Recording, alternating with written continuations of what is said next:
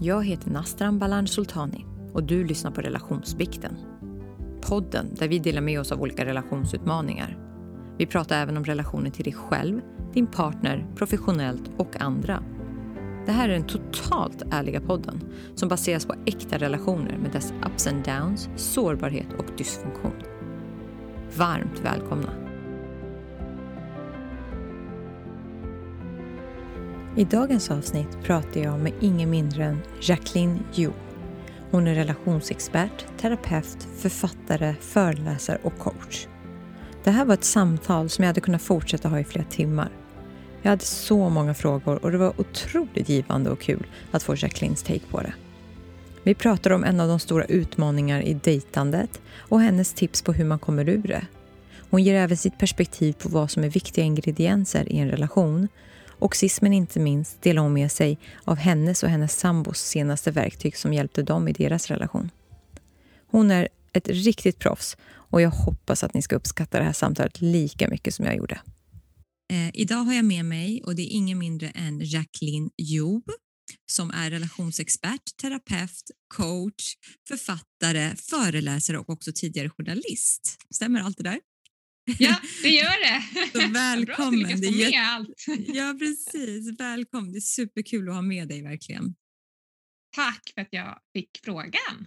Ja, jag, jag har ju eh, både lyssnat på lite andra poddar du har varit med och jag följer dig på Instagram och jag kände eftersom vi har en relationsbikt som mångt och mycket handlar om min och min mans erfarenheter och det vi har varit med om och sen diskuterar vi andra typer av frågor också så kände jag att det kan vara bra att ha med en expert faktiskt som kan svara på lite frågor som vi också får. Och då tänkte jag att det är mm, perfekt kul. att ha med dig.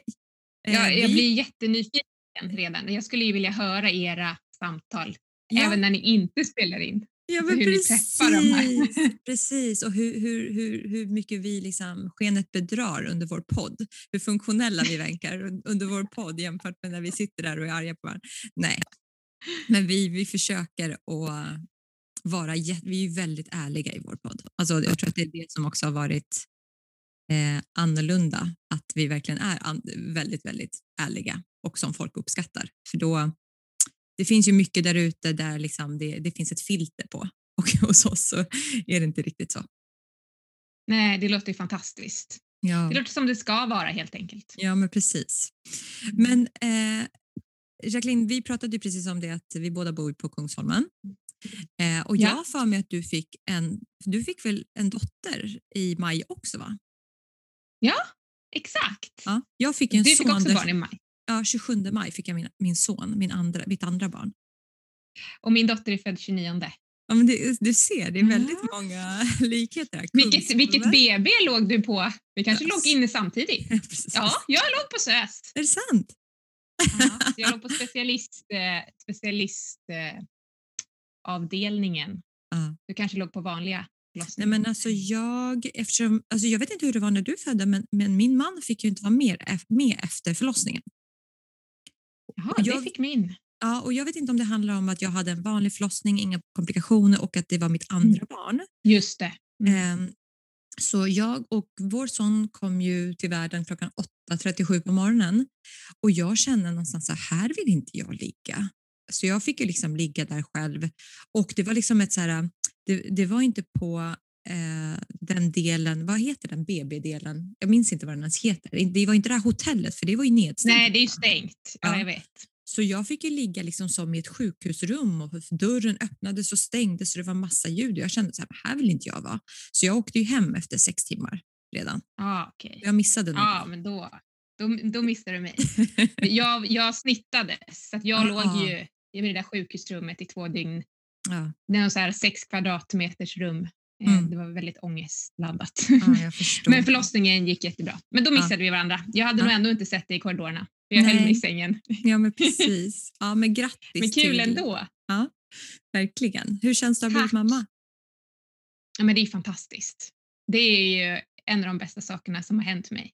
Ja. Det låter ju superklyschigt, eh, men så är det. Den här kärleken, jag trodde inte att man kunde älska en annan individ så. Avgrundsdjupt. Liksom. Mm. Den här villkorslösa kärleken, den, jag trodde att jag kände den till min sambo, men sorry babe, du ligger i lä. Men det är så roligt för att allting annat bleknar. Allt, ja. allt annat man har känt bleknar. Och det, det känns mm. så uh, taskigt någonstans mot sin partner. Att det är så här, ja, ja, du är inte ens prio fem. Nej, men Nej, stackars. Först barnet är prio ett, sen så är det en själv att man mm. får liksom äta och eh, ja, sova får man ju ändå inte. Men de här vardagliga behoven, de är liksom prio två. Sen kommer ju sambon. Ja. Sen kommer och, hemmet. Mm. Men det är kanske är så det ska vara? Ja, jag, jag tänker så ska det vara. Ja. Men kan inte du, för nu vet ju inte alla vem du är, eh, kan inte du berätta lite om dig själv? Vem är du? Var växte du upp? Eh, var jag växte upp? Jag växte upp i Hässelby villastad faktiskt. Mm. Där tillbringade jag de första tio åren ungefär innan mina föräldrar skilde sig. Jag flyttade ut till Ekerö. Ehm, jag, eh, jag tror alltid varit så här som barn väldigt, väldigt social utåtriktad. Jag är otroligt nyfiken på andra människor och det har jag ju eh, fått veta redan som liten att det är positivt ibland men ibland ska man faktiskt inte lägga sig i. jag har alltid lagt mig i. Så jag har frågat mina lärare vet jag liksom du ser ledsen ut, vad är det, har det hänt något, hur, hur mår din man, Var, varför stod du och tjafsade med den där läraren? Men du vet, jag, jag har verkligen eh, varit intresserad, alltså inte nyfiken på ett skvallermässigt sätt utan så intresserad av andra människor. Det tror jag är så signifikant för mig, min personlighet. Och en anledning till att jag har hamnat liksom i den här uh, yrkesbanan. Mm. För det var ingenting jag drömde om att jag skulle liksom växa upp och bli terapeut och jobba med relationer specifikt. Det var mm. inte, mm. det hade inte jag som plan. Mm. mm. Men däremot så har jag alltid haft en så här företagarådra så, så psykologi och människor har varit ett stort intresse redan när jag var liten. Alltså, I övre tonåren då älskade jag ju att gå till eh, eh, typ så här Adlibris och de här bokaffärerna och handla faktaböcker mm. inom psykologi medan andra kanske läste något mycket Hardy mer lättsammare. ja, exakt. Det har jag i och för sig också läst faktiskt. så att, eh, jag älskar att läsa. Men, eh, men jag, hade också, jag startade, mitt första företag startade då inom citationstecken när jag var, liksom, alltså jag, jag var typ 6-7 år. Knappt mm. det tror jag. Mm. Då, då började jag göra business på att min mamma hon fick köpa godis på Statoil då. Och sen så tog jag hela den här godispåsen och sen så sålde jag det till mina syskon när de var jättegodissugna och affären var stängd och deras kompisar. Så vinsten blev ju rejäl. Så redan då var jag så här, jag gillar att driva företag och affärsutveckling och sådär. Eh, det är också en, en väldigt stor del av mig. Mm. Människor, eh, psykologi, nyfikenhet i allt och företagande. Mm. Och jag känner igen mig i dig. Det känns som att jag håller på att prata med mig själv här. Men eh, ja, vad bra! Det... ja, men vad spännande. Vad kul! Och, och hur många syskon har du? Jag har, eh, jag brukar säga, en, ett syskon på jorden och ett i himlen. Ah, vad ja, tråkigt. Så jag har två. Ja. Mm. Men och, så blir det ibland, tyvärr. Och hur var mm. liksom, jag tänker att du har ju blivit så relationsexpert. hur var din relation med dina föräldrar? Vad fick du liksom se? Var, var det liksom, hur, hur, skulle du beskriva deras relation? Oj, vilken bra fråga. Den har jag faktiskt aldrig fått. Nej. Efter Sorry, 12 år i media. 12 år i media. Hur skulle du beskriva dina föräldrars relation? Det, det där är ju en sån klassisk terapeutfråga. Det, det frågar man ju i första samtalet. Liksom. Men eh, jag tror att så här, de bråkade inte så mycket när jag var liten utan det, det, var väldigt smidigt. Jag har liksom inga, inga minnesbilder av att det var mycket tjafs och, utan det var väldigt, flöt väldigt mycket. Mina föräldrar var väldigt jämställda. Min pappa han är ju ungrare så det var också så lite blandad kultur hemma hos oss vilket liksom märktes kanske att han hade vissa med vardagliga kulturella åsikter som min mamma inte hade, vilket var jättebra för oss för vi fick ju ta del av två olika världar, allt ifrån mat till liksom hur man firar saker och sådär. Mm. Eh, det var mycket dans och liksom, vi hängde på ungerska klubben när jag var liten. Jag fick följa med mamma och pappa på liksom, fester, sånt där som svenskar inom citationstecken också mm. kanske inte gör mm. eh, på det sättet. Så på det sättet, det var väldigt, väldigt eh, men jag har bara så positiva minnen. Jag har en ganska trygg uppväxt. Mm. Sen skilde de sig ju eh, första gången där när jag var tio, så jag var ju fortfarande ganska liten då. Jag tror inte riktigt jag förstod innebörden av det. Eh, de blev ihop igen ganska snabbt och mm. sen så flyttade pappa med oss. Då. Det var därför vi flyttade till Ekerö. Mm. Eh, men jag tror att de var ganska olika ändå. Mm. Eh, men första gången skilde liksom, de sig flera gånger? Nej, men skilde sig i form av att vi ska skilja oss, vi separerar, ja. men sen skilde de sig nog inte på pappret. Eh, eller så gjorde de det, det vet jag faktiskt inte, jag har inte ställt frågan när gick skilsmässan igenom, men sen mm. skilde de sig liksom på riktigt när jag var i 15-årsåldern och mm. eh, flyttade isär för gott mm. och då flyttade min pappa hem igen till Ungern okay. där han tyckte liksom att han kände sig mer hemma tror jag. Mm. Um, så att, uh, men, just de här, jag, min bild är att de, um, de var ganska olika och de fick det att hålla väldigt bra i många år. Men mm. till slut tror jag att deras olikheter gjorde att de gick skilda vägar för att de ville få ut två helt olika saker av livet och jag tror att deras grundvärderingar eh, kanske inte liksom stämde mm. sen på sikt. Mm, deras grundvärderingar synkade inte.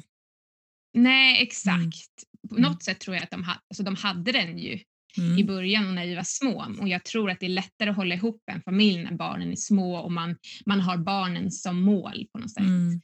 Och båda mina föräldrar gick ju är faktiskt uppväxta väldigt, väldigt fattigt, mm. eh, har utbildat sig och fått bra jobb och mm. sen mm. från de här bra jobben har de blivit egenföretagare och byggt mm. upp egna företag från noll. Eh, och det hade de ju, där är de ju väldigt lika, väldigt mm. drivna och ambitiösa båda två. Och det är ju någonting jag verkligen själv har fått med mig, mm. märker jag. Mm. Hela den där entreprenörsandan.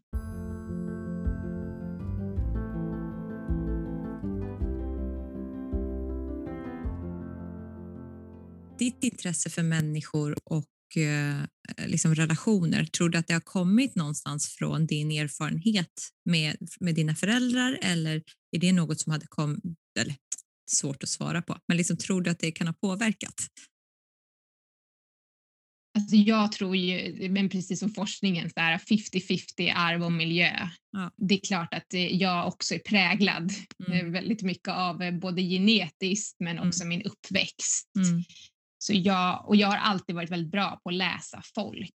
Um, så jag tror att jag också har behövt läsa av när det är också liksom olika typer av kommunikation till exempel och olika kulturella input så tror jag att jag eh, har lärt mig att läsa folk mm. och läsa situationer. Det är ju väldigt vanligt om man har växt upp i väldigt dysfunktionell familj att man blir exceptionellt bra på att läsa känslolägen och stämningar och sådär där det till exempel har varit missbruk och psykisk ohälsa mm. och våld och sådär. Det har inte förekommit i min familj men jag har ändå fått med mig det.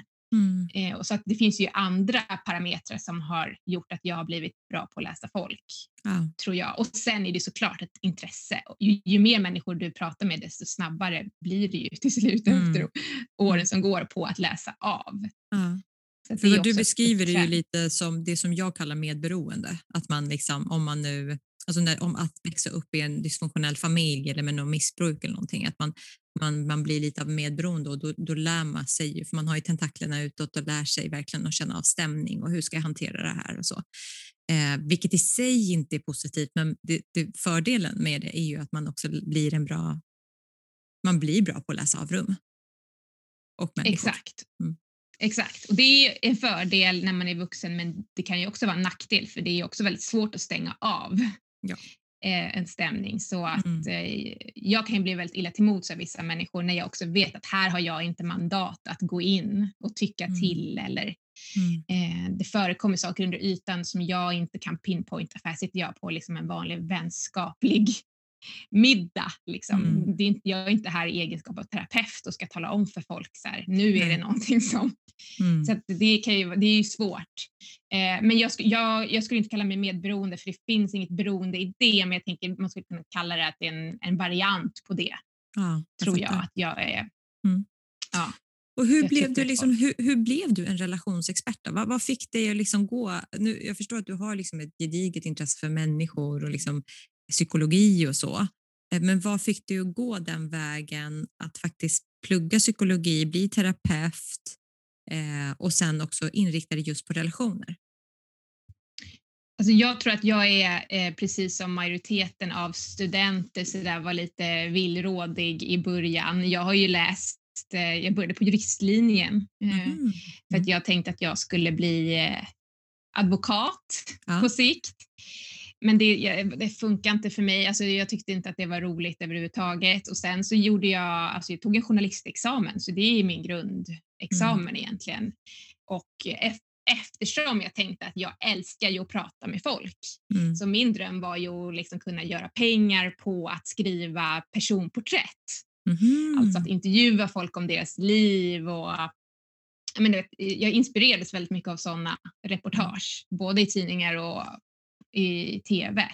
Till bara det att så funkar ju inte journalistiken insåg ju jag när jag kom ut och började jobba utan så här, du har inte ens tid att träffa folk utan här ska du ställa tre snabba frågor och sen ska du skriva den här artikeln för du har fem till du ska skriva idag. Oj, ja. eh, så, och det gjorde ju att jag tappade intresset fort. Mm. Eh, så jag, jag har jobbat som frilansjournalist och jag har mm. fortfarande vissa sådana uppdrag kvar för att det är kul. Men eh, det var ju då jag, jag började skriva väldigt mycket relationer och väldigt mycket psykologi. Mm. Så att jag kom in på den här banan och insåg så här, att det här mötet med människor får inte jag utlopp för som journalist. Det var därför jag också började vidareutbilda mig inom psykologin istället. Mm. Och sen har ju journalistiken gått hand i hand så att jag hade ju en egen kolumn eh, där jag svarade på frågor och så redan innan jag egentligen började liksom vara klar och färdigutbildad. Och sen hade jag ju folk som hörde av sig och sa hej kan inte jag få boka ett möte med dig? Mm. Fast jag inte ens hade annonserat ut att jag jag mm. visste liksom inte riktigt så här, vad är det du vill prata med mig om. Ja. Så att eh, så jag tror att så här, jag på ett sätt, jag hamnade där, inte av en slump. Nej, jag tror mm. alltid att det finns en mening bakom allt, men jag hamnade, det var liksom inte så målmedvetet val, Nej. utan det var den här vad ger mig energi och vad ger mig ångest? För i min värld, eh, eftersom jag inte har en, så här, jag har inte en ångestproblematik mm. utan en, en, vanlig klassisk ångest säger jag. Mm. Eh, den är också min eh, navigator i att så här, nu är jag på fel väg. Mm. Jag mår inte bra här. Jag, mm. Det här ska inte jag göra. Så jag byter. Oh, här börjar jag må bra. Här känns det lätt. Så det är så jag har liksom slussats igenom. Sen har det mm. blivit relationsexpert just för att jag siktar in mig på relationer. Jag startade en blogg för väldigt många år sedan mm. som var fokuserad på dating. Eh, då handlade den mycket om mitt egna datingliv och folk i min närhet som blev populär. Så då, ja, så det, liksom, det har bara gett sig. Mm. Och sen så började ju media titulera mig som relationsexpert när jag kom in och började göra TV med Vakna med The Voice gjorde jag i många år där jag var mm. deras relationsexpert. Mm. Och då blir man ju relationsexpert i media och sen är man det. sen, när den titeln är skriven en gång så är man det. Mm. Jag brukar alltid säga, ja fast jag, jag är också KBT-terapeut, det är liksom min riktiga titel, brukar jag säga. Eh, så hemskt. Eh, men... Ja, för jag, för jag tänker så här, hur blir man relationsexpert? Då är det mer att du har liksom ett genuint intresse, du har, liksom svarat, du har kommit i kontakt med väldigt mycket, många relationer och liksom så. Men finns det, liksom för vart lär man sig egentligen hur man ska göra om inte det handlar om erfarenhet och också andra människors erfarenheter?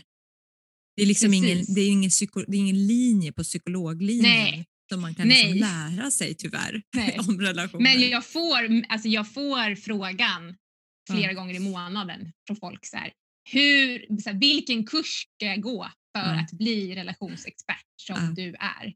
Mm. Och då säger jag så här, det funkar inte så. Utan antingen får du läsa psykologprogrammet eller så får du läsa psykologi mm. Eh, på universitet separat och sen gå samtalsutbildningar beroende på vilken inriktning du vill ha. Ja. Eh, men det är svårt att komma in på dem också. Ju, så att... Ja, verkligen. Men du var väl, jag läste någonstans att du har haft Ege Linge som handledare, stämmer det? Ja, exakt. Ja.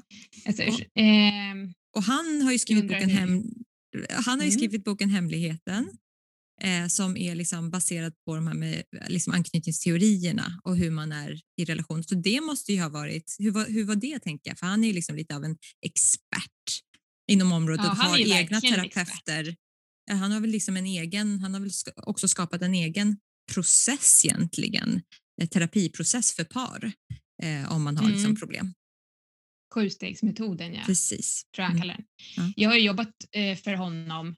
Ehm, jag, jag står ju fortfarande kvar på hemsidan, det är bara att jag inte har varit så aktiv. De senaste åren har jag jobbat väldigt mycket mot bolag och föreläst på olika workshops och Ja. utbildningar och sådär.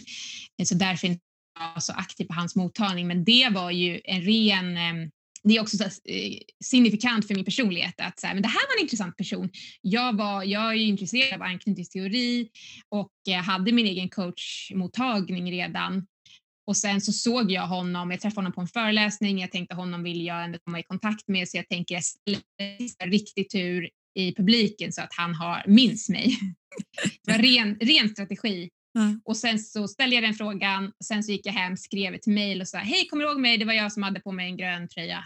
Ehm, jag jobbar med det här, det vore kul om jag kunde bjuda dig på lunch någon gång. Vem vet, man kan alltid lära sig mer. Någonting sånt. Han sa visst, vi kan äta lunch men jag bjuder. Han är en riktig gentleman. Så vi käkade lunch och så sa jag, ja, jag tänkte man kanske skulle kunna få lära sig något via dig på något sätt. Och så han så här, nej men jag kollar på din profil, jag tycker du ska komma och jobba för mig istället. Eh, Mm. så att jag behöver en coach som hjälper de klienterna som är liksom färdigterapeutade eh, nästa steg. Ja. Och så riktar vi in det på singlar. Så då jobbade jag en del, sen har jag haft en del samtal då med honom och han eh, och sen så eh, började jag gå KBT då. Ja. Med, liksom, så att jag utbildade mig till KBT-terapeut Mm. samtidigt som jag handleddes av honom och på utbildningen och fick jobba med honom och med hans klienter på hans mottagning. Ehm, Det är ju så fantastiskt. Ja, jag har lärt mig Du är verkligen driftig och ta, liksom, ser till att få det du vill ha. Ja, men det var samma sak där. Det var liksom inte Ja. min intention. Min intention var bara det här mötet. Ja. Och sen så mynnade det ut i att jag tog emot klienter på hans mottagning, vilket Mm. var, det var ju jätteroligt. Men Det här, men liksom, för han är ju liksom specialiserad på, eller det vet jag inte om han bara är det, men jag menar, jag har ju kommit i kontakt med honom dels för att jag och mitt ex faktiskt gick dit på de här sjustegsmetoden. Det Mm. funkade inte för oss, för att vi, vi uppenbarligen var inte där, där vi liksom Nej. ville förändras. Ehm, men sen tänker jag så här, sen är det ju också att jag har läst hans bok flera gånger, jag tycker det är så intressant. Hur ofta upplever du att det handlar om anknytningsproblematik när man har svårt att träffa någon eller har svårt att få det att funka?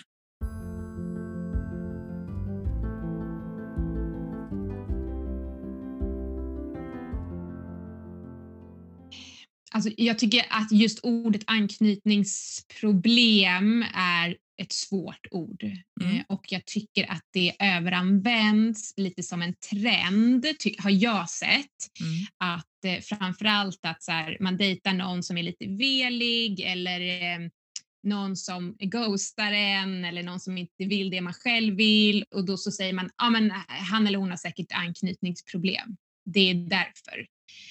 Eh, och sen så har man gjort att så här, alla som inte vill bli ihop med någon då har anknytningsproblem. Man liksom buntar ihop det sådär lite så här lekmannamässigt folk gör. Jag är superallergisk mot det. Jag har full förståelse att folk gör det för så funkar hjärnan. Men jag vill säga att de som har så, så grava anknytningsproblem att de inte kan ingå en kärleksrelation och inte klarar av att vara i den för att det är för emotionellt svårt, de är inte så jättemånga i Sverige. Mm. Eh, Så sen kan man ju ha liksom olika anknytningsmönster som du säkert vet, ni kanske har pratat om. Så har man ett otryggt anknytningsmönster som framkallar vissa typer av beteenden hos mig som gör att det kanske är svårare Mm. eh, att ingå en relation. Ja, då, det är en sak, men jag skulle inte säga att man har anknytningsproblem då. Mm, så, så därför så men så här, påverkar vårt anknytningsmönster oss i relation till andra människor? Absolut. Mm. Och när påverkar det oss allra starkast? Ja, när man är singel, det är när jag träffar någon jag blir attraherad av till exempel. Då Mm. liksom kickar den här inre relationsmodellen igång och det liksom kopplar automatiskt på mina strategier som jag har lärt mig. Mm. Ehm, och, och, det är ju intressant för folk att bara så här, hitta dem. Men när jag försöker vara Liksom, om man har en full terapi då kan man gå djupdyka på liksom, personens anknytningsmönster, vi kan göra eh, liksom, djupintervjuer, vi kan göra tester på det här, vi kan se liksom, relationshistorik.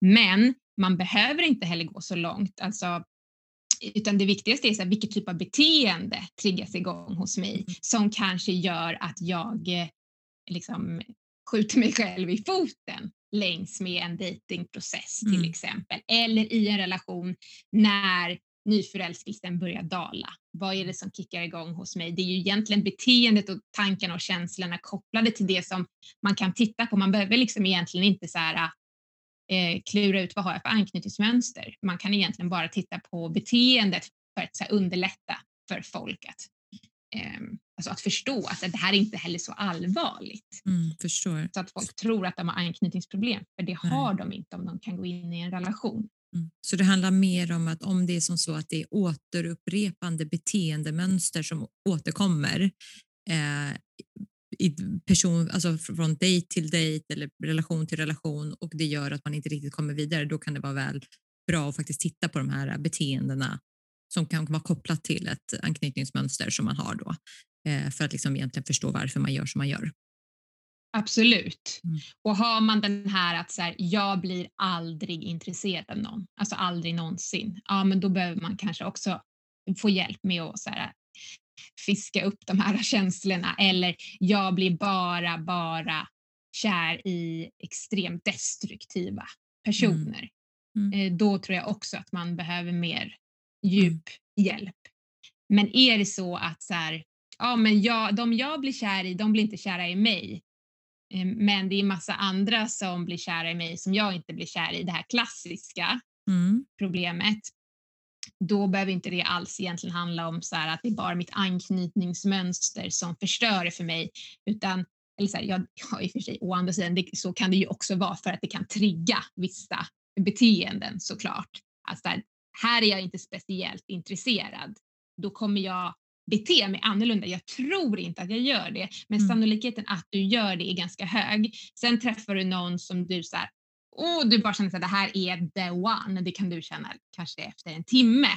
Mm. Då kommer du börja bete dig på ett helt annat sätt fast du inbillar dig att du inte gör det. Mm. Som kanske potentiellt skrämmer iväg den personen eller försvårar relationen och därför upplever du att ingen som jag vill ha vill ha mig. Och det där är en ganska liksom vanlig sak. Det är ju väldigt många som säger just det där att men de jag blir kär i, de blir inte kära i mig. Och och när jag är helt ointresserad, då, då är de jätteintresserade. Vad, vad, liksom, vad är din analys av det? Vad beror det på? Varför är det så? Är det, handlar det bara om att ens beteenden är olika? Ja, men min analys är ju just det att, precis som jag sa egentligen, att vi triggas ju, alltså när vår liksom inre relationsmodell går igång mm. så börjar vi att bete oss annorlunda. Så analysen är ju egentligen att man får träffa två olika versioner av dig kanske. Det är minimala skillnader, men det är skillnader som påverkar relationen. Mm. Du kanske blir, eh, som en sån klassisk grej, du börjar gilla någon. Automatiskt börjar du bli lite mer anpassningsbar, lite mer flexibel, lite mer till lags. Mm. Eh, då är det inget problem med att flytta runt ditt schema. Eh, du vill väldigt gärna svara den här personen. Du vill väldigt gärna driva relationen framåt för att du känner att du har ett mål med det. Det är liksom lite så här rent biologiskt också beteenden som gör att vi blir lite avvaktande gentemot den personen som kommer lite för nära oss för fort. Mm. Det är ju en sån variant. Eh, och det finns ju liksom väldigt enkla övningar där man bara, om man, om man är bra på att analysera sig själv så kan man hitta de här faktorerna som gör att man ser skillnaden i sitt eget mönster. Mm. Och bara för att man har så här, alltså jag skulle säga att det här är jättevanligt mm. och, och ja, man, det finns en grund i din anknytning men det betyder inte att man har anknytningsproblem. Nej. Nej, det är bara som en förklaring och det är därför jag försöker att styra bort från just det här med anknytningsmönster. Jag vill att folk ska känna till det, jag vill att folk ska eh, veta om hur det påverkar och att andra som är nyfikna, de kan djupdyka i litteraturen men man behöver inte stirra sig blind mm. på det här med anknytning för risken är att man feltolkar det. Man kan också bara titta på hur man börjar mm. agera mm. beroende på vilken känsla som triggas igång. För vi är människor som är känslostyrda. Mm. Så är det. Så antingen får jag en, en känsla jag vill agera på, jag vill ha dig nu och då kommer jag jobba mot det. Mm. Eller så känner jag så här, nej jag vet inte, vi får se, det här var en trevlig person och då kommer du vara som du kanske är med dina vänner. Mm. Och då kanske du också är lättare att tycka om och så börjar mm. den personen vilja ha dig. Och vad spännande för att någonstans är det där, då, vad du säger egentligen är ju så här, ja, men man beter sig lite, man kanske blir lite för angelägen, man kanske svarar lite väl snabbt, man kanske skickar två sms på rak och vad det nu kan vara. Men då tänker jag så här, det andra, att inte följa sina känslor, är också lite av att spela ett spel. Då blir det lite av ett strategispel lite grann. Och jag personligen är ju så trött på de här spelen. Jag tycker så här, men om man tycker om någon kan man inte bara få vara? Kan, kan, kan man inte vara? Det betyder inte att jag är mindre värdefull eller att jag inte respekterar mig själv eller något av det där. Men måste vi spela spel? Och, så vad du egentligen säger är att ja, i, i datingvärlden så måste man tyvärr spela lite spel. Eh, nej, eh, däremot, här, det här är, nej men det är så bra fråga för jag har fått den förut och ja. jag tar även upp den här i den här stora kursen som jag bygger. Ja. Eh, för jag bygger en stor kurs för singlar just nu där jag också lär ut så här, psykologiska strategier mm. som kommer att hjälpa dig i ditt datingliv. Mm. Eh, men där det ändå liksom finns evidens och det finns även erfarenhet rent terapeutiskt kring de här sakerna. Eh, och det jag vill säga är så här, det du beskriver nu, det är inte att spela spel. Nej. Att spela spel är ju så här, ah, den här klassiska till exempel som fanns, tre dagars ja, Precis, jag hatar ja, den. Jag ska vänta i tre dagar med att svara för det har någon sagt är bra. Eller jag ska vara väldigt kylig när jag svarar för jag ska inte visa mig intresserad. Jag ska mm. låtsas som att jag inte är ute efter en relation. Jag ska inte komma med initiativ på eh, att vi ska ses för det får du göra för att du ska mm. jaga. Och det här är en klassisk grej som man kanske lär kvinnor Mm. Medan man istället lär män, om man kollar på det här Neil Strauss bok The Game som blev superpopulär, jag vet inte om det var eh, 10-15 år sedan. Min man kan den utan till. Ah, Okej. Okay. Mm. Mm, ja. Och det finns ju liksom strategier där som är ja. så här, eh, hemska, alltså, psykologiska strategier som funkar på en viss typ av personlighet. Men liksom att man ska så här, ja, men nedvärdera, liksom negga, mm. massa olika saker. Sen finns det massa bra strategier i den där boken som funkar rent socialt liksom, eh, såklart också.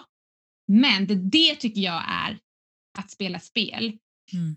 Det jag istället, för den här, den här personen som har en lite mer otrygg ambivalent anknytning som är känslostyrd och som gärna, de fattar tycker för någon fort och vill gärna liksom hoppa in i en relation direkt för de vill ha trygghet och försäkran om att du tycker om mig.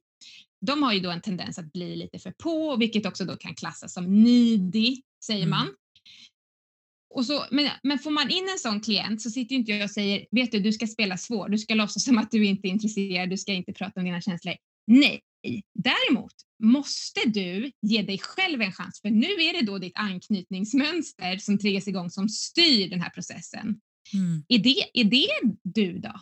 Jag menar, är du sån sen när du blir trygg? Nej, det, så är det inte alls det. Alltså, du behöver bara lugna ner dig innan. För många gånger så är vi ju mycket tryggare sen när vi har fångat den personen. Mm. Och så blir vi inte alls så närhetssökande. Mm. Eh, så det är också du, det är bara det att det här är du i olika stadier och nu måste du ge hela dig själv en chans och den andra personen en chans att få lära känna dig. Mm. Och då behöver vi lära oss att lugna ner våra känslor på egen hand, precis som när man jobbar med ångestproblematik. Mm. Eh, att inte hela tiden liksom hitta saker utifrån för att försäkra mig, utan att du ska försäkra dig själv. Mm. Och det betyder att du ska absolut initiera dejter men du ska inte initiera tre dejter på rad för du måste invänta den andra personen. Den andra personen måste få utrymme att ta ett initiativ och få känna att han eller hon vill träffa dig. Det är en dans. Jag brukar prata om det här är en dans att dejta och det ska inte styras av liksom ångest eller ditt anknytningsmönster utan av vanliga så här, interpersonella relationer, alltså sociala relationer. Eh, du ska absolut prata, jag brukar förespråka att man på en första dejt pratar i generella termer om vad är det man är ute efter. Så det, här, det här drömmer jag om, det här tycker jag är viktigt i en relation. Istället för att säga det här vill jag ha från dig och jag vill att det mm. ska gå fort. Mm. Eh, och också, jag tycker absolut man ska alltid vara trevlig. Eh, du vinner bara på att vara charmig, flörtig, mm. eh, glad.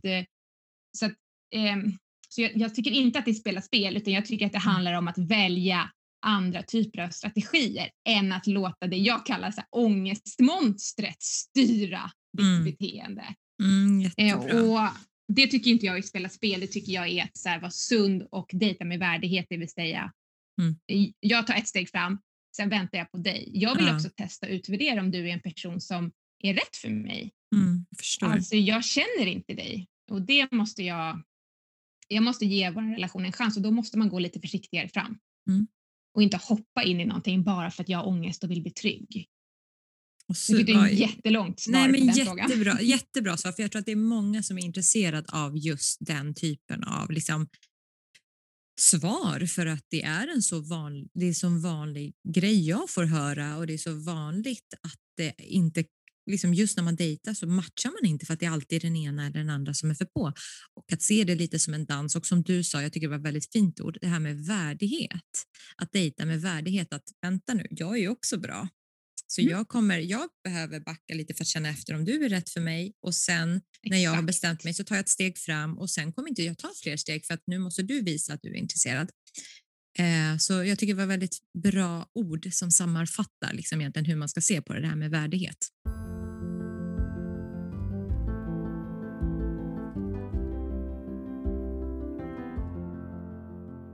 Men, mm. men vad spännande med din kurs. Är den liksom tillgänglig för folk om, om man vill liksom gå den? Är den färdig? Den är, den är färdigbyggd ja. förra veckan. Ja. Eh, jag har fortfarande inte firat med champagne. Det tog mig alltså ett år och åtta månader ja, att bygga den här. Du har varit gravid och fått barn. Jag har varit gravid och sjuk och jag har inte ja. kunnat jobba heltid. Eh, så det är gediget arbete. Men jag känner att jag vill samla all min kunskap. Du ska inte mm. behöva boka en tid som klient utan du får en hel portal eh, med, det är alltså 80 stycken föreläsningar, alltså som så videolektioner. Ja. Som slides där jag förklarar massa olika, allt ifrån liksom, hur ska jag svara på det här eller min mm. dejt avbokar, hur ska jag ta, eh, tackla och tolka det eller vi pratar anknytning, vi pratar olika psykologiska fenomen man kan dra nytta av. Det är liksom sju olika delar. Jag kommer att lansera den i vår. Mm. Så om det blir i april eller maj, det handlar mer om eh, tiden. Mm. Gud eh, och sen spännande. Så, ja, alltså jag är jättetaggad på det här och eh, jag, jag är inte singel men jag vill gå den. du vill gå den. Ja, men jag tänker också så här, man behöver en liksom, bästa vän att hålla i handen mm. så att när man köper den så är syftet är att så här, du får tillgång till hela den här kursen, portalen i ett års tid. Mm. Så att du kommer hamna i olika scenarion som singel olika månader. Ja, men då kan du klicka in. Först går du kursen i sju veckor och får möjlighet att ställa massa frågor och få liksom personlig feedback från mig. Men sen kan du ha kvar den och hoppa tillbaka och säga vänta, mm. nu hände ju det här med nu avbokar ju min dejt. Ja, men vänta, vilken mm. lektion var det? Hur skulle jag nu förhålla mig till det här? Mm. Att kunna ha det som trygghet, det mm. är liksom mitt syfte. Gud vad spännande. Mm. Låter som en Men man kan ju faktiskt få en gratis eh, variant redan Aha. bara är så här, en eh, tre, tre korta, korta är de inte, men tre råd mm. eh, som man får via mail. Då får man lektioner i sin mailinkorg det kan man ju signa upp sig på via min hemsida relationsproffset.se så står mm. det en liten flik i menyn eh, med webbkurs eller via min Instagram Mm. Jacqueline Jo heter jag där. Där finns det en länk. Då kan man bara signa upp sig så får man den kursen. Så får man också känna så här, är det här liksom ett material som passar mig? Mm. Gud vad spännande. Jag vet redan några jag ska rekommendera mm. den till. Som om jag ska ja, göra det. Men om någon frågar mig eller lyssnar på det här så kan de göra det. Ja. Vad är de vanligaste frågorna du får? Vad är liksom de största utmaningarna som folk har? Eh, det är så otroligt svår fråga att besvara för jag tänker att det är lite olika kategorier. Uh -huh. eh, dels singlar, sen är det ju eh, om man har som individualcoachning eller terapi om jag själv är i en relation men jag vill bolla min relation med dig utan att gå i parterapi. Mm. Det är ju en stor grupp som kommer till mig och sen i viss mån eh, par. Nu mm. jobbar inte jag så mycket med parterapi. I, jag, jag jobbar med förebyggande parterapi, kallar jag det. Jag mm. jobbar inte med par i kris. För mm. jag tycker att par eh, tenderar att gå i eh, terapi alldeles för sent. Mm. De söker ju när det redan är kris. Lite så här, nu vet inte jag någonting om er relation så jag ska inte uttala mig om dig och ditt ex. Men så här, vi kanske inte är förändringsbenägna för att vi är otroligt så här, i en stor konflikt eller vi är egentligen på väg att separera. Ja. Så att det är lite så redan kört och då ja. hamnar man där och så slänger man bort sina pengar och terapeuten gör, hinner inte göra någon nytta. Nej. Eh, så att, eh, men okej, okay, men förlåt, tillbaka till din fråga. Eh, singlarna, det är ju det här klassiska egentligen. Jag mm. har fortfarande inte hittat någon. Mm. Så, och jag börjar bli stressad. Jag är, alla är runt omkring mig, de har en relation. Hur ska jag göra? Det är oftast ålderssegmentet kanske så 25, det är lite tidigt, men liksom upp till 40-45. Mm. Eh, hjälp mig se mina mönster. Vad är det här med anknytning? Vad, liksom, jag behöver liksom ett, en yttre blick här.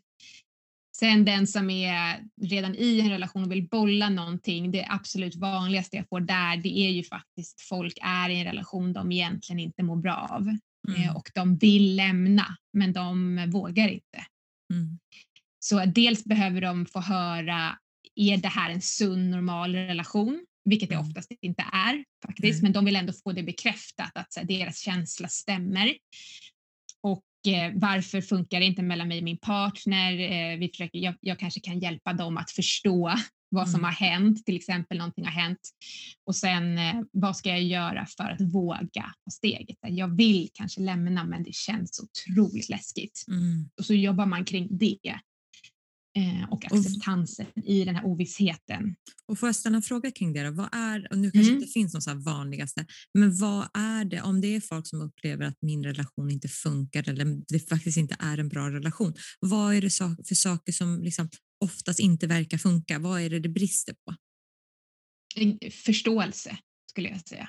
Man, mm. man, har, man upplever inte att den andra förstår en mm. och oftast så Eh, för det är ju så här, den personen som är mest anpassningsbar och flexibel och som vill liksom sätta sig in i den andra personens perspektiv.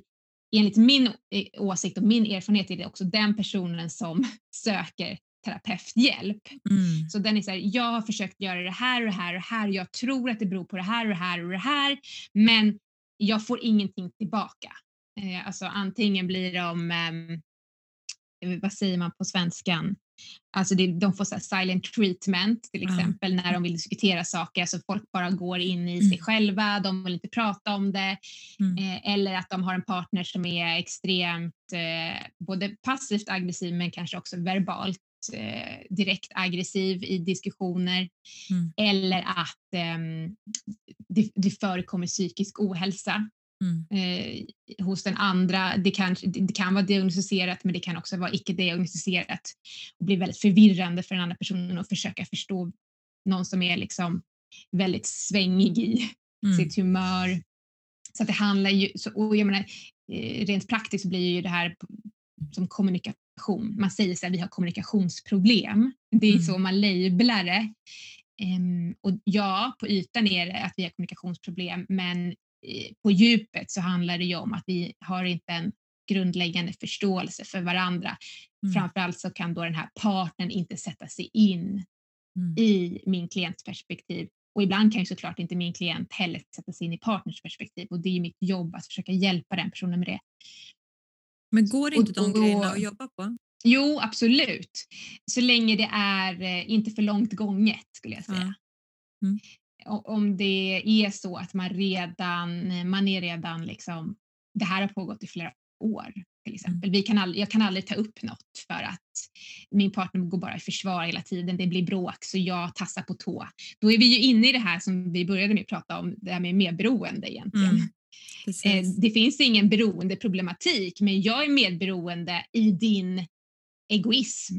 Mm. Liksom. Mm. Det är dina behov som styr vår relation och varje gång jag försöker ventilera mina, mina önskningar och längtan, då det, jag blir inte bemött i det. Mm. Och så har jag då anpassat mig till dig mm. alldeles för länge och nu börjar jag tröttna. Men jag klarar ändå inte av att lämna. Mm.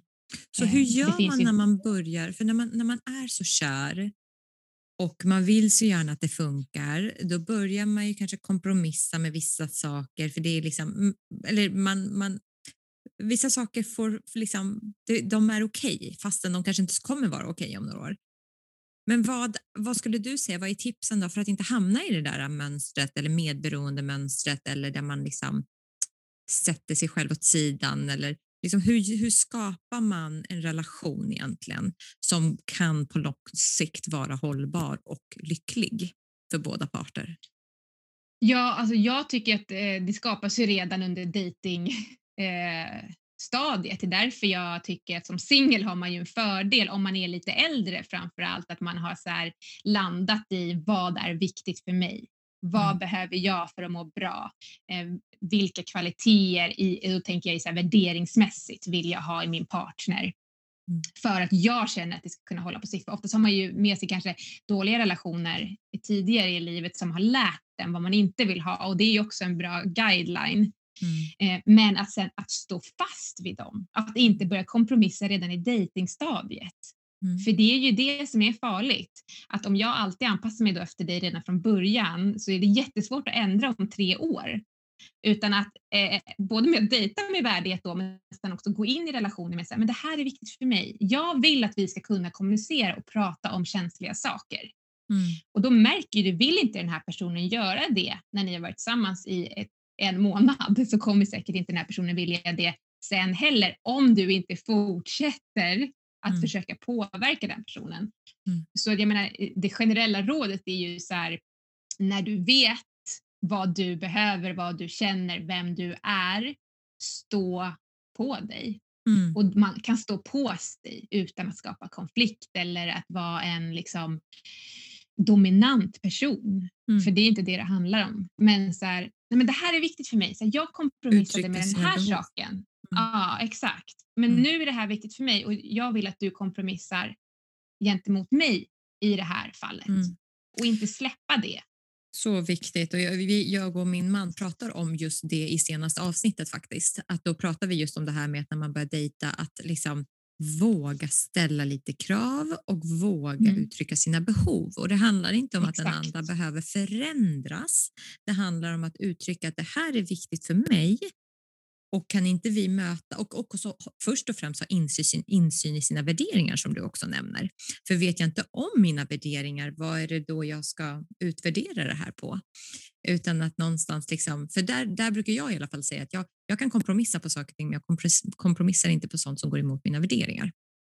Exakt, jättebra sagt. Ja, nej, men det där är så himla viktigt och jag brukar prata om exakt det du säger nu. Att så här, kompromiss handlar inte om 50-50 eller mötas halvvägs i alla frågor så som många liksom tenderar att tolka begreppet. Utan det är så här, det här kan jag kompromissa på för den punkten är inte lika viktig för mig men det här är min grundvärdering. Jag kan inte kompromissa. Så jag känner folk som till exempel som kvinnor som har varit i relationer med män som inte vill ha barn de har sagt att de inte vill ha barn. Och så tänker de, jag kan nog kompromissa för jag gillar honom så mycket. Mm. Och sen går det några år och sen så inser de att så här, nej det kan jag inte. Nej, då kanske det är läge att lämna den relationen. Mm. Innan han lämnar dig och får barn med någon annan för att han har ångrat sig och sen står du där i 45. Mm. Alltså så här, såna grund, och nu är så här, barnfrågan, det är ju, den är ju central och den är stor men det finns andra block som man behöver klura ut. Vad vill jag inte kompromissa med? Mm och sen stå pall. Mm.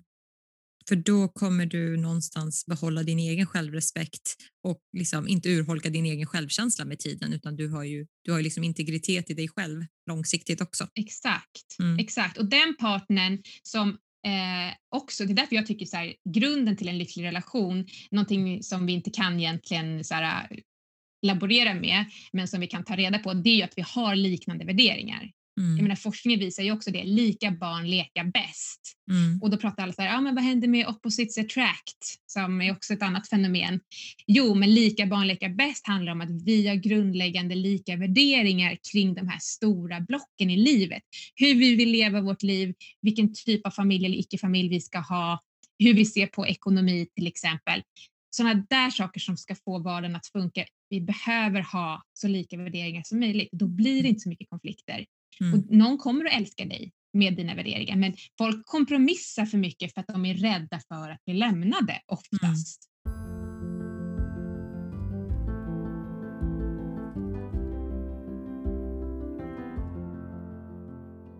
Så lika värderingar är en viktig ingrediens för ett, en lycklig relation. Finns det några andra saker som är viktiga för att ha en lycklig relation och också lyckas med sin relation långsiktigt? Ja, men alltså hand i hand med det där så tycker jag det här med jämnbördighet, eh, Ja. det vill säga att liksom båda måste få ta utrymme i relationen och att det inte ska vara att den ena ständigt bär den andra. Mm. Vilket jag också ser, vilket är vanligt i relationer, att det är en som liksom bär hela relationen eller hela familjen. Mm, Så ska det inte vara utan så här, vi bär varandra omlott och i olika omgångar. Nu har du det tufft, jag steppar upp och gör mer och stöttar och nästa gång så finns du där för mig. Mm. Eh, Det är jätteviktigt och det låter också så här, men det är väl en självklarhet. Problemet är att det är ju inte det Mm. i alla relationer. Det är inte det i vänskapsrelationer heller om folk börjar liksom analysera vilka vänner de har och hur de relationerna ser ut. Ja. Så det tycker jag är en jätteviktig ingrediens. Och sen är ju det här med förståelse, Mm. eh, mentalisering, det begreppet och det som, den teorin som eh, heter mentaliseringsteorin som går hand i hand med anknytningsteori. Mm. Jag vet inte om du känner till den Lite grann. teorin? Mm. Ja, för det handlar ju egentligen om, alltså mentalisering handlar ju om att ha fått sina grundläggande känslomässiga behov upp, alltså stillade, precis som i anknytningsteorin. Mm. Men att någon också hjälper en att här, förstå tankar och känslor. Jaha, men nu känner du så där. Beror det på det här? Och hur upplever den här personen dig? Och Mm. hur kommer det sig att han eller hon reagerar så där? Nu är han eller hon Mm. ledsen. Varför är han det? Att man, så tränar man ju liksom genom hela livet från barndomen. Mm. Det behö- och mentalisering, alltså hur hög mentaliseringsförmåga du har, det vill säga förmågan att kunna se sig själv utifrån och förstå, okej, varför reagerar, alltså känner jag så här? Hur uppfattar andra mig? Men Mm. framför allt kunna sätta sig in i andra människors inre känsloliv, så inre perspektiv. Hur tänker den här personen? Hur känner den här personen? Varför agerar och reagerar han eller hon så? Mm. Den förmågan är sammanlänkad till din anknytning. Mm. Så ju tryggare anknytning du har, desto bättre mentaliseringsförmåga har du fått. Och den startar med att dina anknytningspersoner, som då är dina föräldrar oftast, har lärt dig det här. Mm. Att det är så det funkar när man är en social varelse. Att man försöker sätta in andra människors perspektiv. Och det är en process som sker utan Ja. att vi har förstått det. Egentligen ju när vi är små och sen utvecklar vi det här genom åren och det är ju det vi jobbar på i terapin. Då jobbar man ju undermedvetet och på att stärka klientens förmåga. Så här, men hur, hur upplevde Erik det? Eller liksom försöka få den här personen att sätta sig in i den andra personens perspektiv. Och så, hur tänkte han? Hur kände han, tror du? Vi kan ju Mm. bara ha en hypotes. Vi kan ju inte veta förrän vi Nej. frågar. Mm. Och det måste vi göra. Det måste man vara bra på i en relation.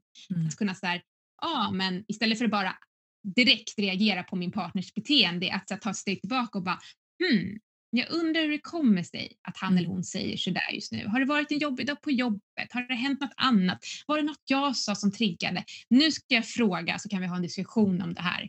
Mm. Så löser man konflikter innan det blir konflikter. Det är en grund, ett grundtänk.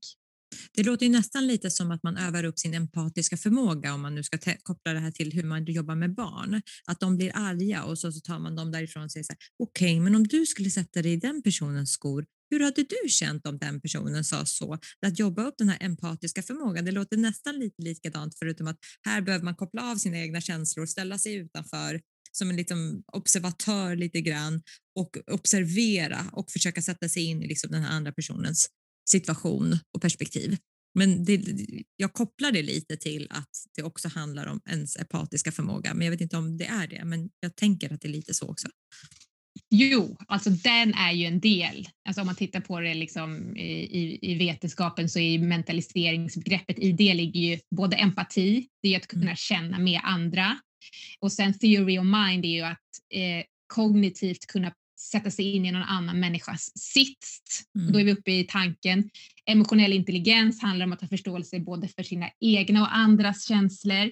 Mm. Metakognition handlar om att kunna tänka om sina egna tankar. Varför tänker jag så här? Mm. Så alla de eh, liksom begreppen är ju samlade egentligen i mentaliseringskonceptet. Mm, så här gör vi det på alla nivåer. Mm. Gud vad spännande. Du är ju relationsexpert. hur är din ja. egen relation då? Liksom, hur, hur, jobbar du? Med, för det är en sak att kunna vara jätteduktig på någonting och hjälpa andra. Hur använder du dig av de här verktygen själv? Och hur, använder, hur, hur ser du din och, är det din sambo? För, mm. Ni är inte gifta va? Det är sambo? Nej, vi är inte barn. gifta. Jag väntar på att han ska fria. Så att, ja. eh, där är jag traditionell. Han får göra det. Ja. hur vi har det. Ja, precis. Hur använder ni er, liksom, hur ser er relation ut? Är den perfekt? Jag vet, nu är det här en jätte... Ja, förstår den är jag är helt ledande. perfekt. det finns inga skavanker. Nej. Eh, nej, eh, men däremot fick jag frågan i en annan podd häromveckan, eh, vilken var er senaste konflikt? Mm. Eh, och då var jag tvungen att svara ärligt och jag sa så här, det här är ett svar som du inte kommer gilla, men vi har typ inga konflikter. Mm. Och anledningen till att vi har det, det är för att vi är väldigt, väldigt bra på att ta upp saker innan det går eh, för långt. Mm. Så att eh, känslorna, liksom, de bara, det blir inte så att man exploderar utan mm. eh, det är ju en grej som vi verkligen har sagt tidigt i vår relation. Jag sa det redan under dejtingstadiet, alltså, för mig är det viktigt att kunna prata om allt. Mm. Vi måste kunna prata om allt.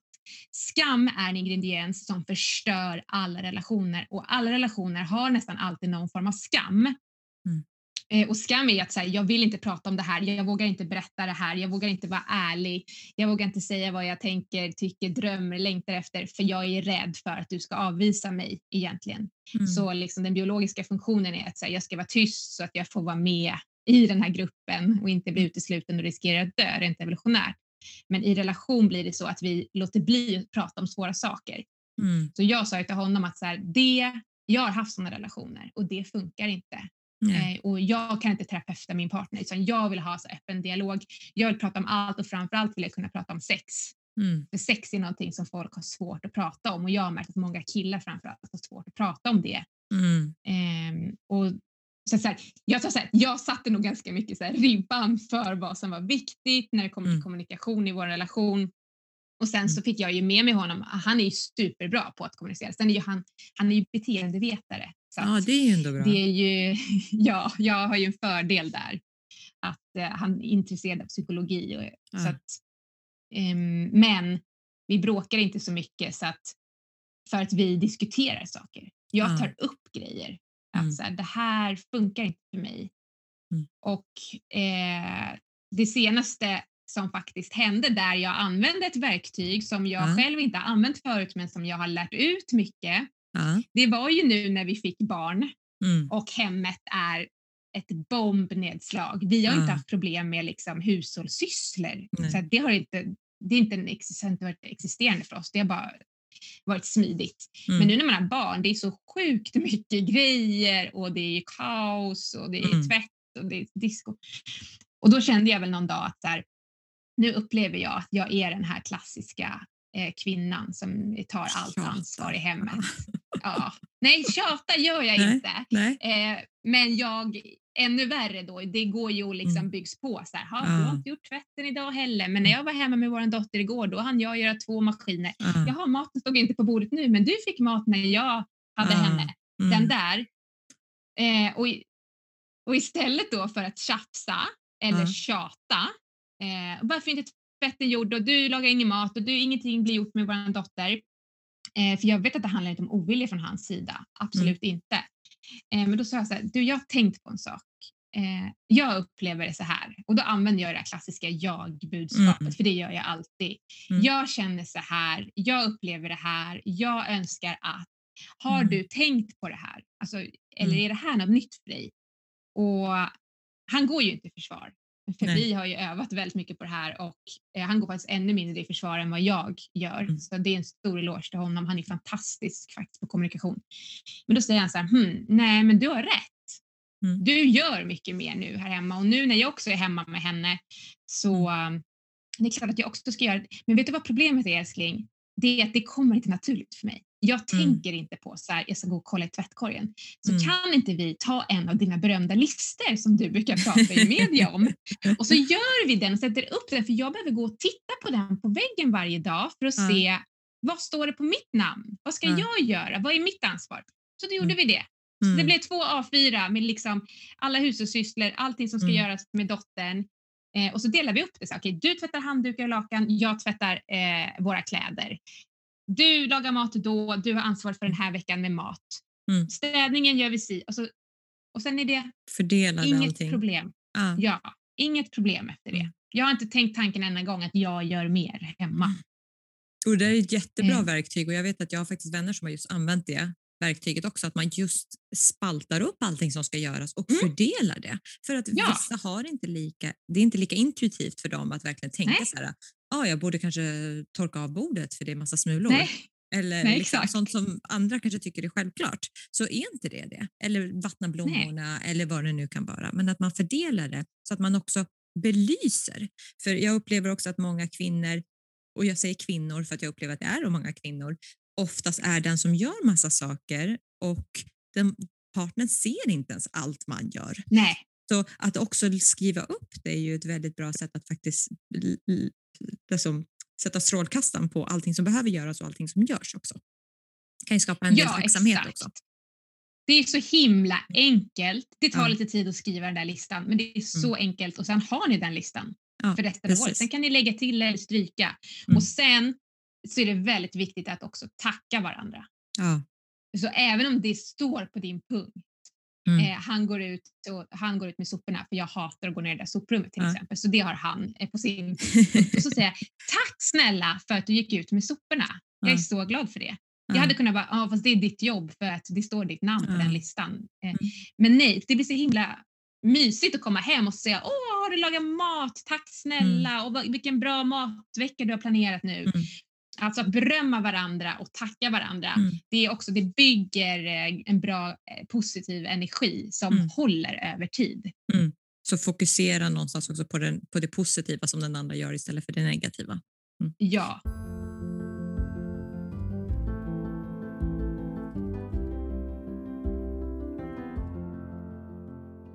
Okej, okay. eh, det där är jätte, jättebra tips. Så, så ni har inga konflikter i er relation och det ni hade eller det du kände löste ni med det enkla verktyget. Finns det liksom. Några, har ni några andra så superverktyg som du skulle liksom förmedla, vilja dela med dig av?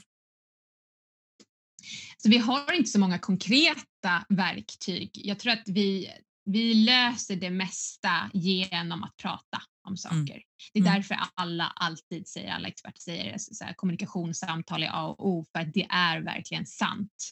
Mm. Eh, och vi är ju mästare på att hitta strategier. Jag tror att vi båda är väldigt analytiskt lagda där, så vi är så här, mm. okej, okay, här har vi ett problem. Nu lägger vi upp det på bordet och så dissekerar vi det tillsammans. Så här, hur skulle vi kunna lösa det här problemet, vare sig det är praktiskt eller emotionellt? Mm. Eh, men att vi försöker vara ett team och det spelar ingen roll vem det är som eh, lägger fram problemet.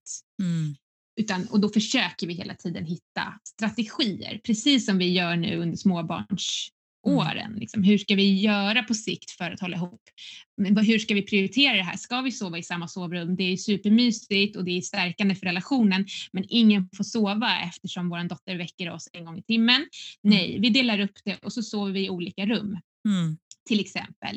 Eh, mm. Alltså att vi hela tiden, eh, vi har liksom som små minimöten mm. flera gånger i veckan där vi diskuterar strategier. Mm. Det, låter ja, men det kommer så naturligt för mig. Liksom. Ja men precis och det låter ju lite som att ni är väldigt rationella, ni lägger det emotionella undan en period så kan ni diskutera ämnet utan att bli för emotionella. Eh, det, det tänker jag kanske också är liksom lite av en framgångsfaktor när det verkligen finns mycket saker. Att, att, att man inte går in och, speciellt som du, som du också sa, att det spelar ingen roll vem som kommer med problemet. Den andra går inte in i försvar utan man försöker vara lite lösningsorienterad istället kring problemet. Exakt, och det gör ju, bidrar ju också till att när vi har, för det betyder inte att vi inte har starka känslor, Nej. men vi har lärt oss att vi tar inte upp saker när känslorna är aktiva. Mm. Mm. Utan vi låter dem landa lite. Och eh, det är ju faktiskt en framgångsstrategi enligt mm. psykologin och någonting man jobbar med i terapi. Att här, agera inte i affekt för det blir inte bra. Utan hellre då sov på saken eller åtminstone ta ett, eh, en promenad runt kvarteret. Det tar minst typ 20 minuter innan limbiska systemet som är den delen av hjärnan som har hand om våra känslor hinner lugna ner sig så mm. att vi mm. får tillgång till prefrontala cortex där vår logiska förmåga sitter. Ja. Och den är ju eh, svår det... när man har små barn och är trött. Liksom för då, liksom, då är det ju reptilhjärnan som kör. Eh, då är det mycket svårare så det är inte konstigt att också att det blir mer konflikter när man har småbarn. Så hur Nej. gör man då? Ja, för att kraven är ju så enormt höga på en eh, och man är pressad och stressad framförallt hela tiden när man har små barn som mm. kräver ens totala uppmärksamhet. Mm. Så hur man gör då? Ja, det, det är samma sak där. Vi biter oss ju i tungan mm. för att inte eh, bli otrevliga. Kan vi snäsa åt varandra? Ja, det kan vi. När mm. liksom dottern skrek oavbrutet i timmar liksom, när hon var två månader gammal. Mm. Då är man inte då kanske man bara flyttar på dig liksom, när man kommer med en bebis. Då är inte jag heller så liksom, konstruktiv. Eh, men det viktigaste tycker jag är att gå tillbaka i efterhand då. Då mm. går jag tillbaka och säger så här, förlåt älskling, och nu svor jag också, eh, men det gör jag ibland. Eh, förlåt, det var verkligen inte meningen att skrika åt dig eller snäsa åt dig eh, alltså bara att be om ursäkt och sen genuint mena det. Så jag ska verkligen mm. försöka bättra mig. Mm. Eh, så, att, så här, det är det enda, jag, det finns inget knep för att här, inte explodera som småbarnsförälder. Nej. Och jag tänker också så här att känner man varandra väl, man, man är bra på många andra fronter, man har tid att prata om saker och ting, alltså att man tar sig tid att prata om saker och ting, så är det okej okay att snäsa ibland också. Alltså för man, man tar det inte personligt. Då vet man vad det handlar om. Då kan man gå ut tillbaka efteråt och säga ja, jag är jättetrött så jag är inte mitt bästa jag just nu. Liksom, förlåt. Du vet att jag Exakt. älskar dig eller vad det nu är. Precis. Och det är mm. därför, och då är du inne på en väldigt, väldigt viktig sak där att vi behöver också de här stunderna där vi hittar tillbaka till varandra, där vi tankar positiv energi in i våran parrelation. Mm. Eh, ju fler sådana stunder vi har, desto mm. fler små misstag kan man göra på mm. andra sidan eh, som inte blir så stora då, för det är, det är ganska lätt att laga om man också jobbar på parrelationen. Ja. Så jag tror att det är jätteviktigt att här, inte glömma att vi var ju två innan också och vi måste behålla vår tvåsamhet. Mm. Det är ju lättare sagt än gjort. Eh, så vi har ju inte haft en egen dejt nu på tio månader. Mm. Men i det ligger också att vi diskuterar att så här, så här är det nu. Mm. Alltså, och det är okej. Okay. Mm. Vi kan inte lämna bort henne för hon är för liten och det har varit, det är pandemi. Eh, vi kan inte bara plocka in en barnvakt som vi ska träna och eh, ja, men liksom, hon kan inte vara hur många timmar som helst hos farmor och farfar till exempel, eller mormor. Eh, så jag, jag, tänker att acceptans är en väldigt, väldigt viktig faktor för att hålla relationen i schack mm. under småbarnstiden. Eh, Men sen har ju vi redan byggt strategier för hur vi ska göra för att få mer partid. Mm. Och vi har redan nu, liksom, en kväll i veckan har vi date night hemma när hon har somnat. Mm då sitter inte vi och slökollar på TV tillsammans. Nej. Utan då gör vi någonting mm. som fyller oss med energi. Något annorlunda eller liksom, det måste ju vara inom hemmets eh, väggar eftersom dottern ligger och sover och vi kan inte gå därifrån. Men så här, kom på någonting, måla en tavla, vi spelar spel, eh, vi äter på golvet, vi mm. tänder ljus överallt. Mm. Vi har sex i tre timmar, det orkar vi inte för att vi är så trötta. Men vi, har en för, vi kanske har en förhoppning om att vi ska orka det. Mm. Tre Nej, minuter är bra också. Tre minuter. Nej, 30 minuter, då är det, det är bra jobbat. Ja. Nej, men det är så ansträngt, upp sig lite extra, eh, mm. sätter på sig fina underkläder. Gör det där som man gjorde i början när man dejtade. Mm. Bara gör det några timmar i veckan. Sen kan du gå omkring med, som jag sa till dig här inledningsvis, med otvättat hår för att jag hinner inte tvätta håret eh, mm. på typ en vecka. Mm. Eh, men det är fine. Eh, jag, jag är vacker ändå, tänker jag. Ja, det är du. Ja, men vilka fina eh, tips och råd. Jag, jag känner liksom att jag skulle kunna prata med dig i dagar. Eh, så förhoppningsvis lite längre fram kanske jag kan bjuda in dig igen. Och sen så ses vi också på Kungsholm runt där liksom med barnvagnarna. Ja, så ska jag, med barnvagnarna. Vilka parker det. brukar du hänga i? Kanske vi kan alltså det är ju, ses i parken. Ja, men det är den parken precis här och sen är det Kronis. Ja, eh, Kronis brukar vi hänga i. Ja, bra. I, I lilla småbarnsparken där uppe på ah. höjden. Min dotter gillar ju den mm. där nere. Hon är ju fyra. Just det, just det, just det. Men jag kommer men, dit ner. Ja, men vad bra. Men jag tänkte att jag skulle ha eh, tre avslutande frågor, för vi hade fått lite eh, frågor från eh, lyssnarna också, men vi har täckt in dem lite grann. Eh, så, men jag tänkte att vi går på de här avslutande frågorna. Eh, och den första Shoot. är eh, daglig rutin som du har för att må bra. Oj, oj, oj, oj. Eh, vet du, jag har ingen daglig rutin. Alltså, min, mina, eh, min dotters rutiner är eh, mina rutiner när jag inte jobbar. Mm. Eh, jag jobbar ju vissa timmar i veckan också. Men ehm, så alltså, förr skulle jag säga att jag älskade att eh, träna. Det mm. hinner jag inte längre. Jag, jag prioriterar inte det.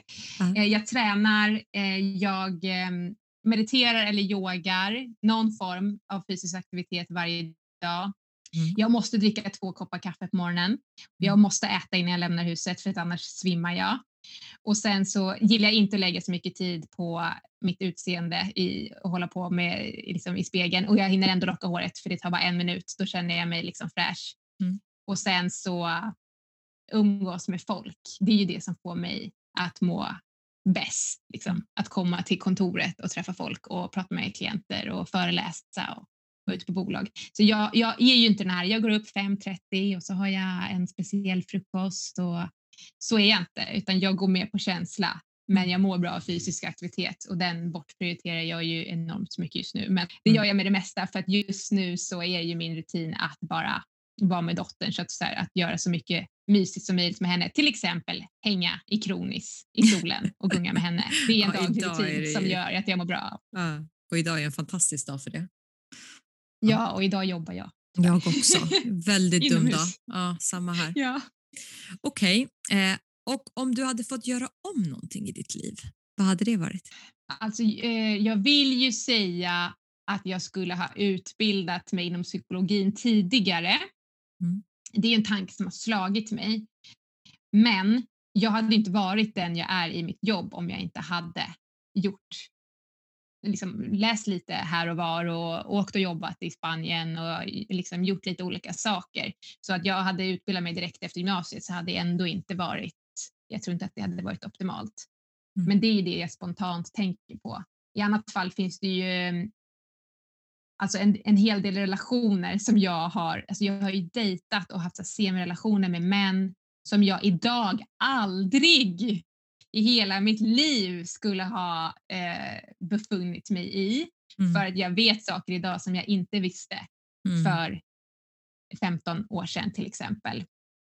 Eh, så det skulle jag ju, alltså jag är ju lite nyfiken på hur hade det gått om jag hade använt allt det jag kan och alla de strategier eh, och metoder som jag vet idag? Hur hade min dejting då sett ut mm. när jag var 20? Eh, men då hade jag ju inte träffat min sambo och jag hade inte fått min dotter. Mm. För då hade jag säkert varit ihop med några andra på vägen. Så ja, allting precis. är ju liksom någon, ödet eller slumpen, kalla det vad, vad du vill, men det mm. ena är ju länkat med det andra. Mm. Jättebra. Eh, och vad vill du, det här är en jättestor fråga så du får svara snabbt om du vill, men, eller långt om du vill. Men vad vill du vara om tio år? Eller var är du om tio år? Om tio år, då tänker jag direkt privat först, för det ligger mig närmast hjärtat idag. Då har jag förhoppningsvis två barn. Mm. Jag har ju ett barn idag. Eh, om jag får drömma har jag två barn.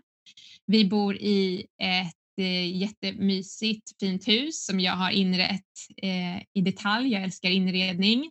Jag vill ha mycket färg och form och mys. Mm. Samtidigt som det ska vara lite minimalistiskt. Um, och sen så jag hoppas verkligen att min mamma lever då och att hennes, min dotters farmor och farfar lever så att hon kan vara jättemycket hos dem även om de kanske börjar bli lite till åren då. Och rent karriärmässigt så, så här, jag, alltså jag är på en plats där jag verkligen vill befinna mig. Jag, jag ser inte att så här, jag skulle göra något annat, absolut inte. Jag, jag bara tror att jag har utvecklat ännu fler produkter som gör så här, digitala till exempel som den här kursen jag har byggt nu för singlar. Jag vill göra något liknande för par. Jag kanske kan göra något liknande för företag jag vill att folk ska kunna ta till sig kunskap och lära sig utan att behöva gå i en terapi på 20 sessioner. Mm. Eh, och så bygga community där man kan stötta varandra men också fortsätta föreläsa. Så jag kommer bara göra mer av det jag gör idag och förhoppningsvis kunna så lära ut min kunskap på ett lättare sätt till alla mm. som är intresserade. Så kanske skrivit någon bok till. Vad kul. Vilka fina svar. Och om, jag, nu, jag är övertygad om att det kommer komma många som vill kontakta dig. Vart når man dig på bästa sätt? Jag är ju bäst på att svara på mejl faktiskt. Ja. Eh, man kan skriva till mig på Instagram också men det, risken är ju att det faller mellan stolarna där. Men på Instagram heter jag Jacqueline Jo. Man får googla på mitt namn, det är väldigt svårt att stava. Men Jo i alla fall, J-O-O, dubbel-O. Och sen så min mejladress är info relationsproffset.se. Mm. Eller så kan man skriva till info.joconsulting.se om det är lättare att stava till. Mm. Jag kan lägga in dem också i poddbeskrivningen så att folk hittar dig. Vad bra. Stort, stort tack för att du ville vara med. Det var verkligen jättekul ja, att ha med dig. Det var ett jättehärligt samtal och jag känner att det var kul att få lite annorlunda frågor också. Ja, det blir väldigt personligt. Ja, men det, det, det, det här är lite relationsbikten. Mm. Ja, just det. Bett mig avslöja någon hemlighet. Nej, just det. Nästa gång. Det, blir, det får bli en mm. cliffhanger till nästa gång. Ja, exakt. um, stort, stort tack eh, för idag. Uh, Tusen tack själv. Tack för frågan och jag ska lyssna på avsnittet med där du och din man biktar dig också. Ja, vi biktar oss i varje avsnitt så du är jättevälkommen att göra. Ja. Vad bra. så stort tack igen än en gång för att du ville vara med. Ja, men tack. Och tack för att ni ville lyssna eh, och hoppas att ni har fått ut lika mycket av det här avsnittet som jag har. Det har verkligen varit superkul och jätteintressant. Tack och ha en fin dag. Tack. Hej då.